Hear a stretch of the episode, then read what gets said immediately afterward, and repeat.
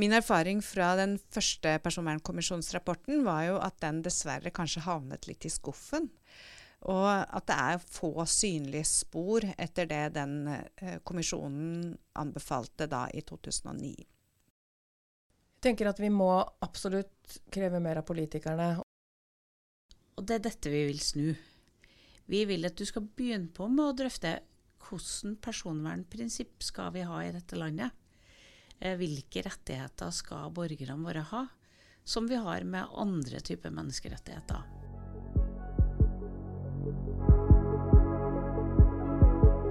De tre stammene du nettopp hørte, har gjesta denne episoden, som tar opp personvern og politikk. Grunnen til at vi vil snakke om det her akkurat nå, er at en personvernkommisjon har kartlagt personvernets stilling i Norge. Kommisjonen ble satt ned av forrige regjering, og i fjor høst så leverte de sin ferdige rapport. Rapporten skal gi politikerne våre et kunnskapsgrunnlag og hjelpe dem å treffe beslutninger som angår personvernet. Blant annet så konkluderer kommisjonen at digitaliseringa skjer på bekostning av personvernet, og derfor etterlyser de en nasjonal personvernpolitikk. Det er vel og bra, og i Datatilsynet så ønsker vi en sånn her nasjonal personvernpolitikk velkommen. Men hvordan bør en nasjonal politisk strategi for personvernet egentlig se ut? I denne podkastserien skal vi utforske hvordan personvernutfordringa vi står overfor i dag. Prøve å forstå hvorfor personvern er et underutvikla politikkområde, og spørre hvordan vi kan gjøre personvern til konkret politikk. Mitt navn er Kari Laumann, jeg jobber i Datatilsynet og jeg vil guide dere gjennom denne serien.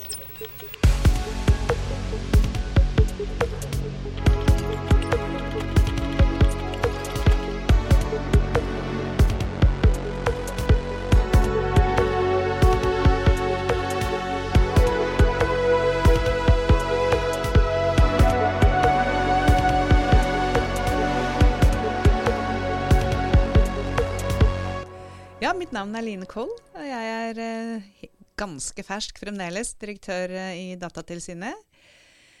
Jeg har jo jobbet med personvern i veldig mange år, da, så jeg føler meg jo ikke fersk i gamet som sådan, men i Datatilsynet så er jeg fremdeles en nybegynner, da. Men jeg har som sagt jobbet med personvern eh, egentlig siden 1995, da jeg var på Senter for rettsinformatikk, som det heter nå, sammen med den lille menigheten til Jon Bing. Eh, Jeg var jo også sekretær da, i første personvernkommisjon, som avla sin rapport i 2009.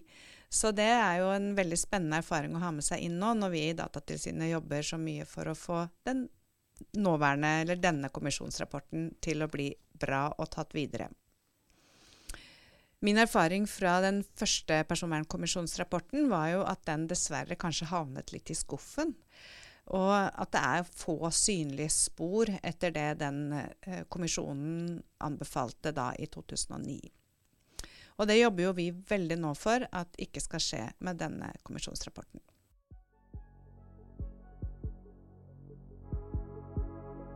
Hva er egentlig greia med kommisjoner og det som kalles Norges offentlige utredninger, NOU?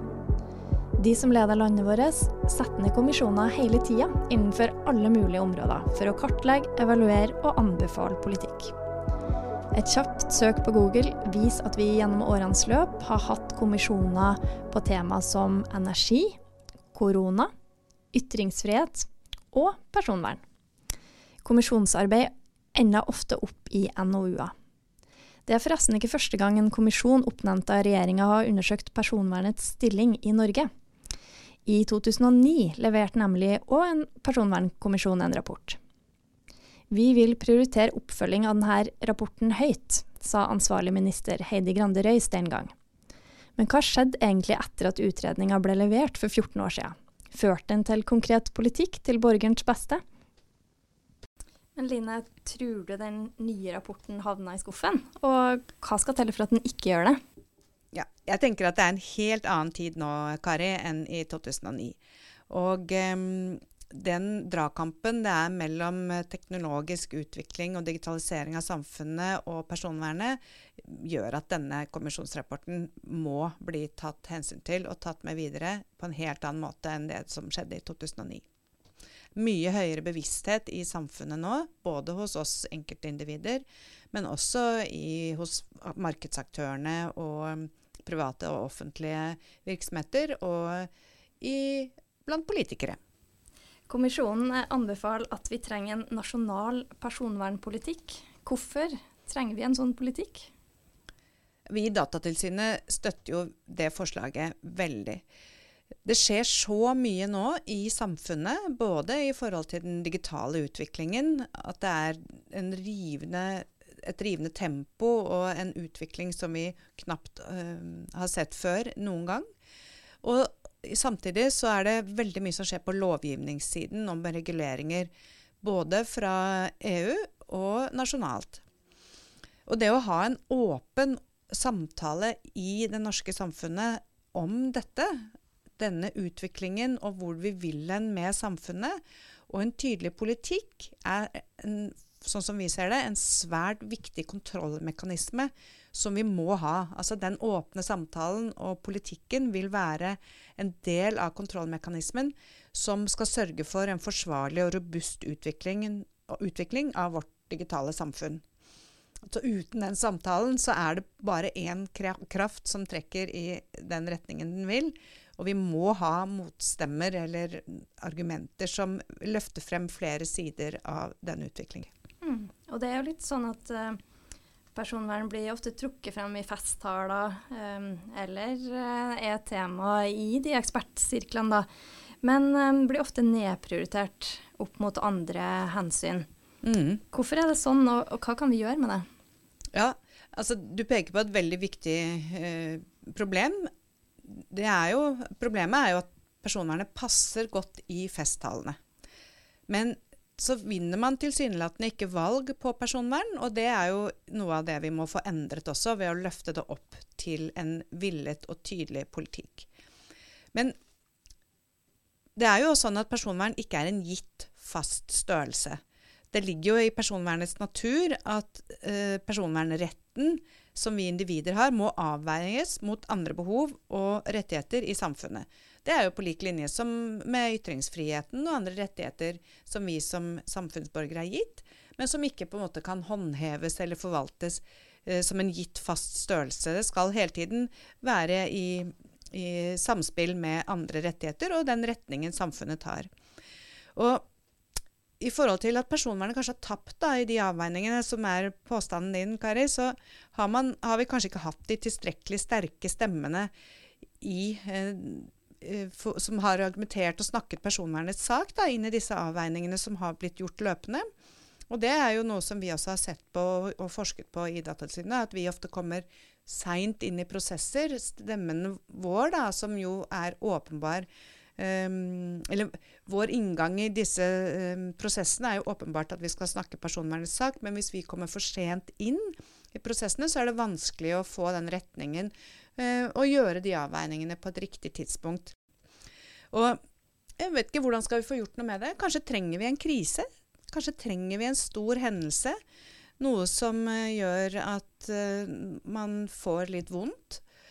Og det ser vi jo i andre land at har skjedd, og vi ser det også i andre sektorer, at det er kriser som gjør at endring tvinger seg frem. Og det kan det jo hende at vi trenger i, innenfor personvernet også. Men er det sånn det burde være, at det skjer en krise før man får en politisk endring? Burde det ikke være eh, noen, altså politikerne som går foran og skaper et samfunn som er villa, um, og styrer retningen av digitaliseringa? Jo, det er jo vanskelig å være uenig i det, da. Det må jeg si. Det er jo det ideelle vil jo være at man har politikere og beslutningstagere som ser hvor egentlig dramatisk det er allerede, og hvor bakpå vi er allerede i mange digitaliseringsprosesser. Det er jo fristende å trekke frem skolen f.eks. da, som et litt sånn skrekkscenario. Så det å sitte og vente på at det skjer en krise, og så skal du vinne valget på at du reparerte den krisen, det er jo ikke sånn vi i Datatilsynet ville valgt å gjøre det, i hvert fall. Håpet at det skulle skje.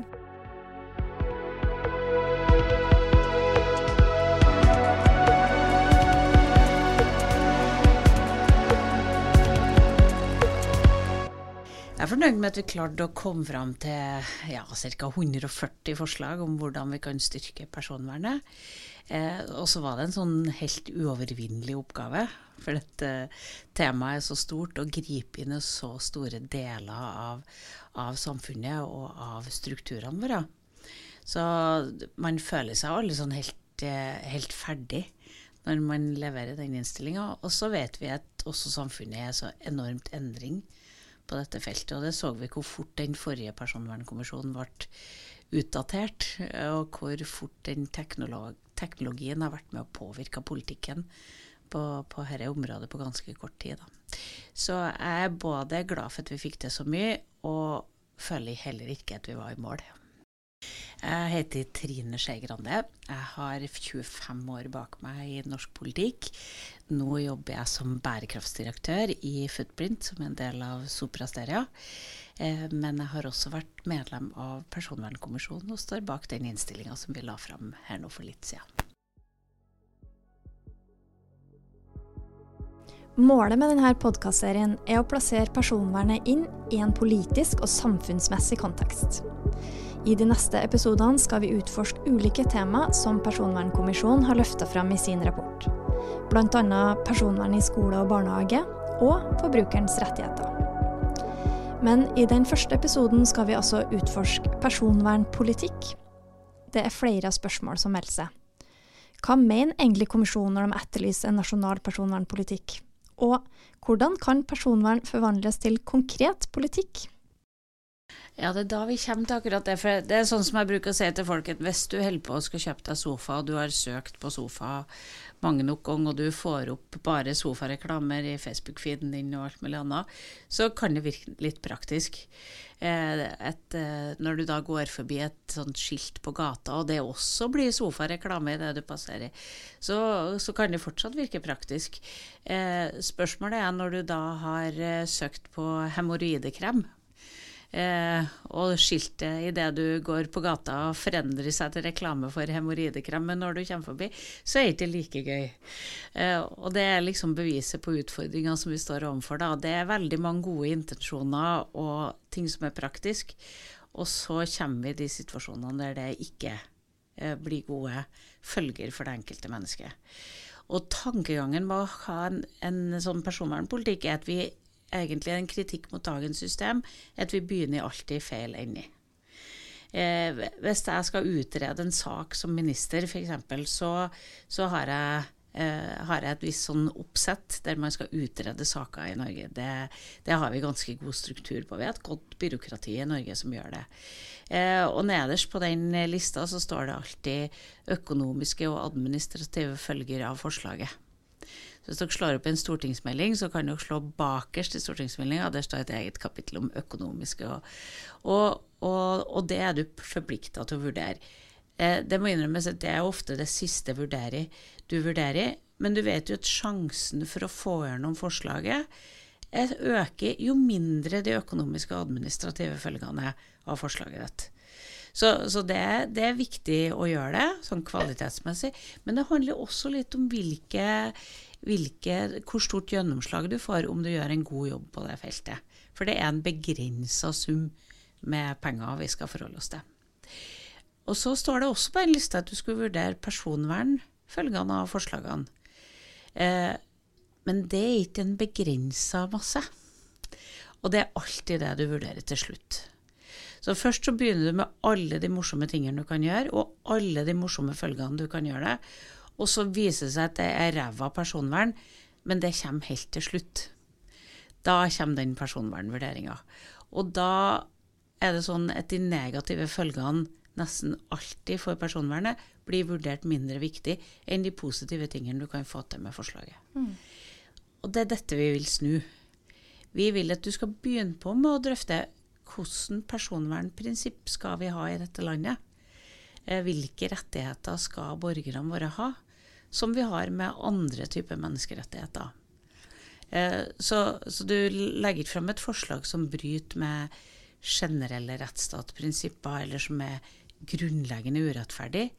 Eh, fordi at det er prinsipper du har satt i grunnlov, politiske dokumenter, eh, politiske plattformer til en regjering osv. Så, så vi vil bare begynne på i andre enden. Det at du begynner på med å si dette er prinsippene for personvern. Og hvor mye gøy kan vi lage innafor de rammene? For da tror vi det kommer til å påvirke forslaget til slutt. Kanskje får du gjort alle de tingene du faktisk har lyst til å gjøre, men fordi at du har begynt på med personvernprinsippene, så er det veldig mye lettere at resultatet også ivaretar personvernprinsippene, men du likevel får gjort de grepene som du ønsker å gjøre, og som var målsettinga med prosessen. Jeg er litt nysgjerrig på det der hva er en nasjonal personvernpolitikk? Og du har jo sagt litt om det nå, at en statsråd som har ansvar og går til, til Stortinget, men, men, er det noe mer? Altså eh, Ja, det å vedta noen prinsipper som, som, eh, som eh, skal holde også i ulike saker og ulike saksfelt. Eh, vi fleipa litt i starten på personvern. Jeg mener jo alltid at et et land med en god personvernpolitikk er et land der det går an å være utro. Eh, men det kan være et, et bra utgangspunkt å ha. Eh, nå tror jeg nesten ikke det går an lenger. Eh, men, men eh, fordi at overvåkinga er så stor. Men det å vedta noen sånne prinsipper for hva er det som er gjeldende, hvor mye makt ønsker vi at tech-gigantene skal ha? Finnes det grenser for hva hva rettssystemet vårt skal ha, ha innsyn i. Eh, Fins det noen ting vi, vi eh, Fins det spesielle grupper vi vil verne? Vi har jo fått en debatt etter vår framleggelse i Stortinget nå om, om, bruken av barn i sosiale medier, f.eks. Eh, der barn ikke kan sies å være dem som samtykker eh, for sin deltakelse. Alle sånne debatter eh, baserer seg jo på noen prinsipper. Mm. Eh, så de som har lagt fram det forslaget i Stortinget, baserer seg jo på et prinsipp at du ikke skal tjene penger på et barn som ikke kan samtykke eller ikke kan bestemme om en skal være med i salget av et produkt. Eh, og det er jo sånn, det er en prinsipiell debatt. Det er en prinsipiell inngang. Og så får det prinsippet noen følger for politikk, men det er sånn politikk lages. Mm.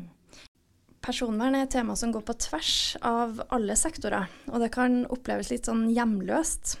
Um, hva er din erfaring som politiker med personvern? Og, altså, hvordan er det et tema um, som kan få eierskap og gjennomslagskraft?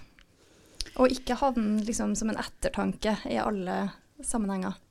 Nei, jeg, jeg tenkte litt på det at hvis du, uh, du kunne gjennomført en liten undersøkelse hvis du går på Stortinget og så spør stortingsrepresentantene hvilken statsråd har ansvaret for personvern i denne regjeringa, så tror jeg kanskje ikke alle har klart å svare på det. Eh, jeg håper de i kommunalkomiteen kunne ha svart på det. Men, eh, men ellers så er det sånn eh, Det er ikke sikkert alle hadde klart å svare på hvor, hvilken komité har ansvar for oppfølging av personvern en gang. Og hvis dere går inn og kikker på stortingsrepresentanter som stiller spørsmål om personvern, så tror jeg at det er spredd veldig på komiteer. Så det, det, er veldig Jeg tror ikke det er noen stortingsrepresentant som tenker jeg har lyst til å jobbe med personvern, derfor som jeg sitte i den komiteen. Eh, Sjøl om det er mange som har et engasjement på det. Så, så jeg tror jo at eh, det å lage noen strukturer som gjør at du løfter fram mer hvem som har ansvaret, også gjør det lettere å løfte tema. Eh, som f.eks. med en sånn årlig redegjørelse. Um, og så er det litt dere i Datatilsynets jobb òg, å løfte statusen til feltet og gjøre det viktig. Uh, og så er det uh, viktig at vi får fram også de enkelthistoriene uh, der personvernet krenkes, fordi at det er gjennom dem vi skjønner eh, hvor viktig politikkfeltet er. Sånn som vi i dag ser at eh, NRK lager en reportasje om eldreomsorg, og så diskuterer vi alle sammen hvordan vi skal gjøre den eldreomsorgen bedre eh, i, i, mange uker. Eh, hvem er det som lager historier om når personvernet vårt krenkes? Eh, og, og hvilke følger det får for enkeltmennesker. Det er jo sånn vi klarer å skape debatter om, om hva som er god og dårlig personvernpolitikk på samme måte som vi diskuterer nå hva som er god og dårlig eldreomsorg. Mm.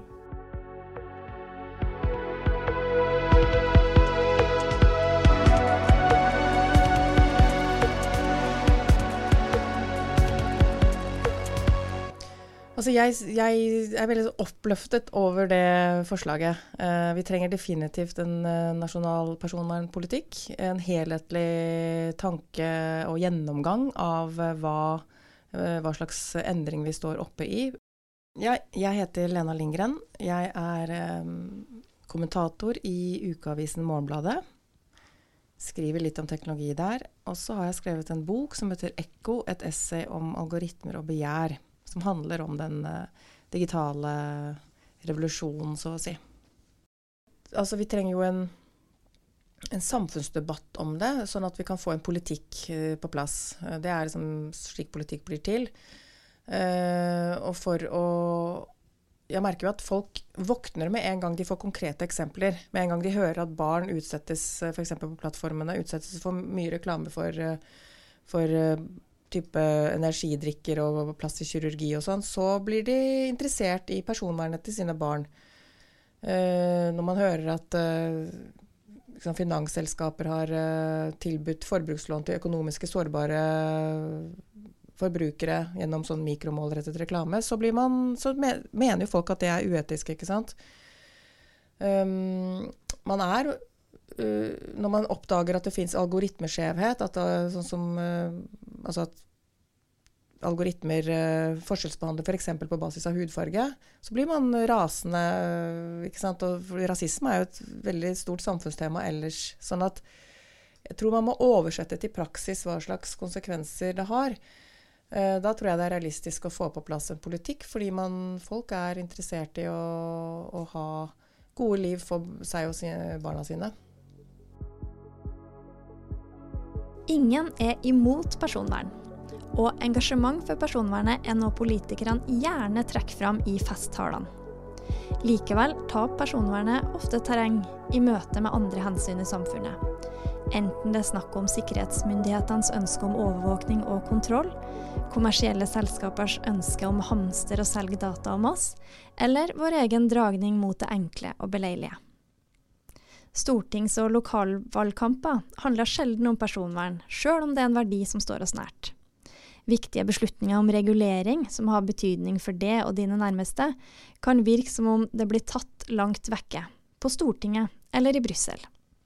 Velferdsstaten trenger mye data om oss for å fungere og for å ta viktige beslutninger om oss, men sjelden snakker vi om personvern som politikk. Personvernkommisjonen etterlyser altså en nasjonal personvernpolitikk. Men er vi moden for en sånn politikk, og er det noe folk flest vil ha? Jeg tror at det er noe folk flest vil ha, faktisk. Bør vi kreve mer av politikerne? Um, hva som må til for at politikerne får engasjement og tar konkrete grep? Jeg tenker at vi må absolutt kreve mer av politikerne. Og i forrige valg var det så vidt jeg kunne se, ingen politiske partier som hadde en uh, digital politikk. Um, jeg har sett at Venstre har tendenser, i hvert fall etter det, har liksom våknet noe, virker det på meg eh, som. Eh, I hvert fall veldig engasjerte enkeltpolitikere. Men vi må forvente at, de, at egentlig alle politiske partier har det ved neste valg. Og hva som skal til um, jeg tror jo også at uh, Det er jo helt påtakelig da, at denne personvernkommisjonens uh, rapport nesten ikke er skrevet om i norske aviser. Faktisk. Jeg har sett at det har vært små, små nyhetssaker, men uh, forferdelig stille. Så jeg vet ikke altså hva Jeg tror at, tror at det er der vi også på en måte må Alle må gå litt i seg selv, da, som jobber med med samfunnsspørsmål og offentlig debatt. Uh, og prøve sant, å ta den, den uh, lange mila det er å sette seg litt inn i problemstillingene. Og formidle det. Sånn at, uh, for da, da får, kan vi få den samme prosessen som har skjedd i, i klimasaken. Ikke sant? At man skjønner egentlig gradvis at dette er, det er eh, fremtiden vi snakker om, da. Det er viktig fordi at det hele tiden utvikles ny infrastruktur og nye institusjoner. Eh, sånn at eh, hvis vi skal få noen mulighet til å eh, integrere vern mot diskriminering, personvern, og så må man gjøre det nå. Fordi at det er i maskinrommene det skjer. sånn at det er dette er liksom både programmerere må inn på banen, men vi må også ha jurister, politikere, filosofer vil jeg si, inn i maskinrommet. Fordi det er der, eh, det er der, program, det er der infrastrukturen blir til, da. Og så syns jeg jo at det er viktig nå fordi at uh, i løpet av et drøyt tiår så har vi har de verdens rikeste og mektigste selskaper uh, er, De er digitale, de jobber med digital teknologi og kunstig intelligens. Uh, sånn at i en sånn helt sånn basic forståelse av hva makt er, da, og at makt kan korrumpere, så må vi, må vi identifisere personvern som en av de viktigste mm, rettighetene. Altså som jeg sa i stad, at uh, i en økonomi hvor uh, persondata er valutaen, så er personvern uh, viktigste verktøy for motstand da, og grenser mot makten.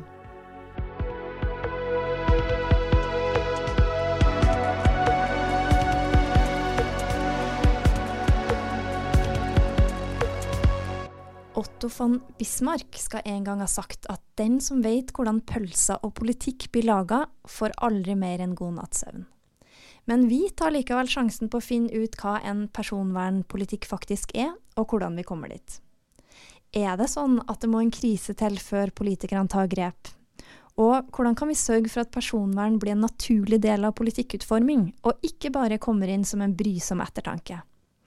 Hvordan kan politikken bidra til å avlaste den enkeltes maktesløshet i møte med villnisset av personvernerklæringer og samtykkebokser? Dette er store spørsmål som vi tar med oss videre i denne podkastserien. I neste episode vil vi utforske hvordan konkret politikk kan se ut på viktige områder. Håper du vil bli med videre.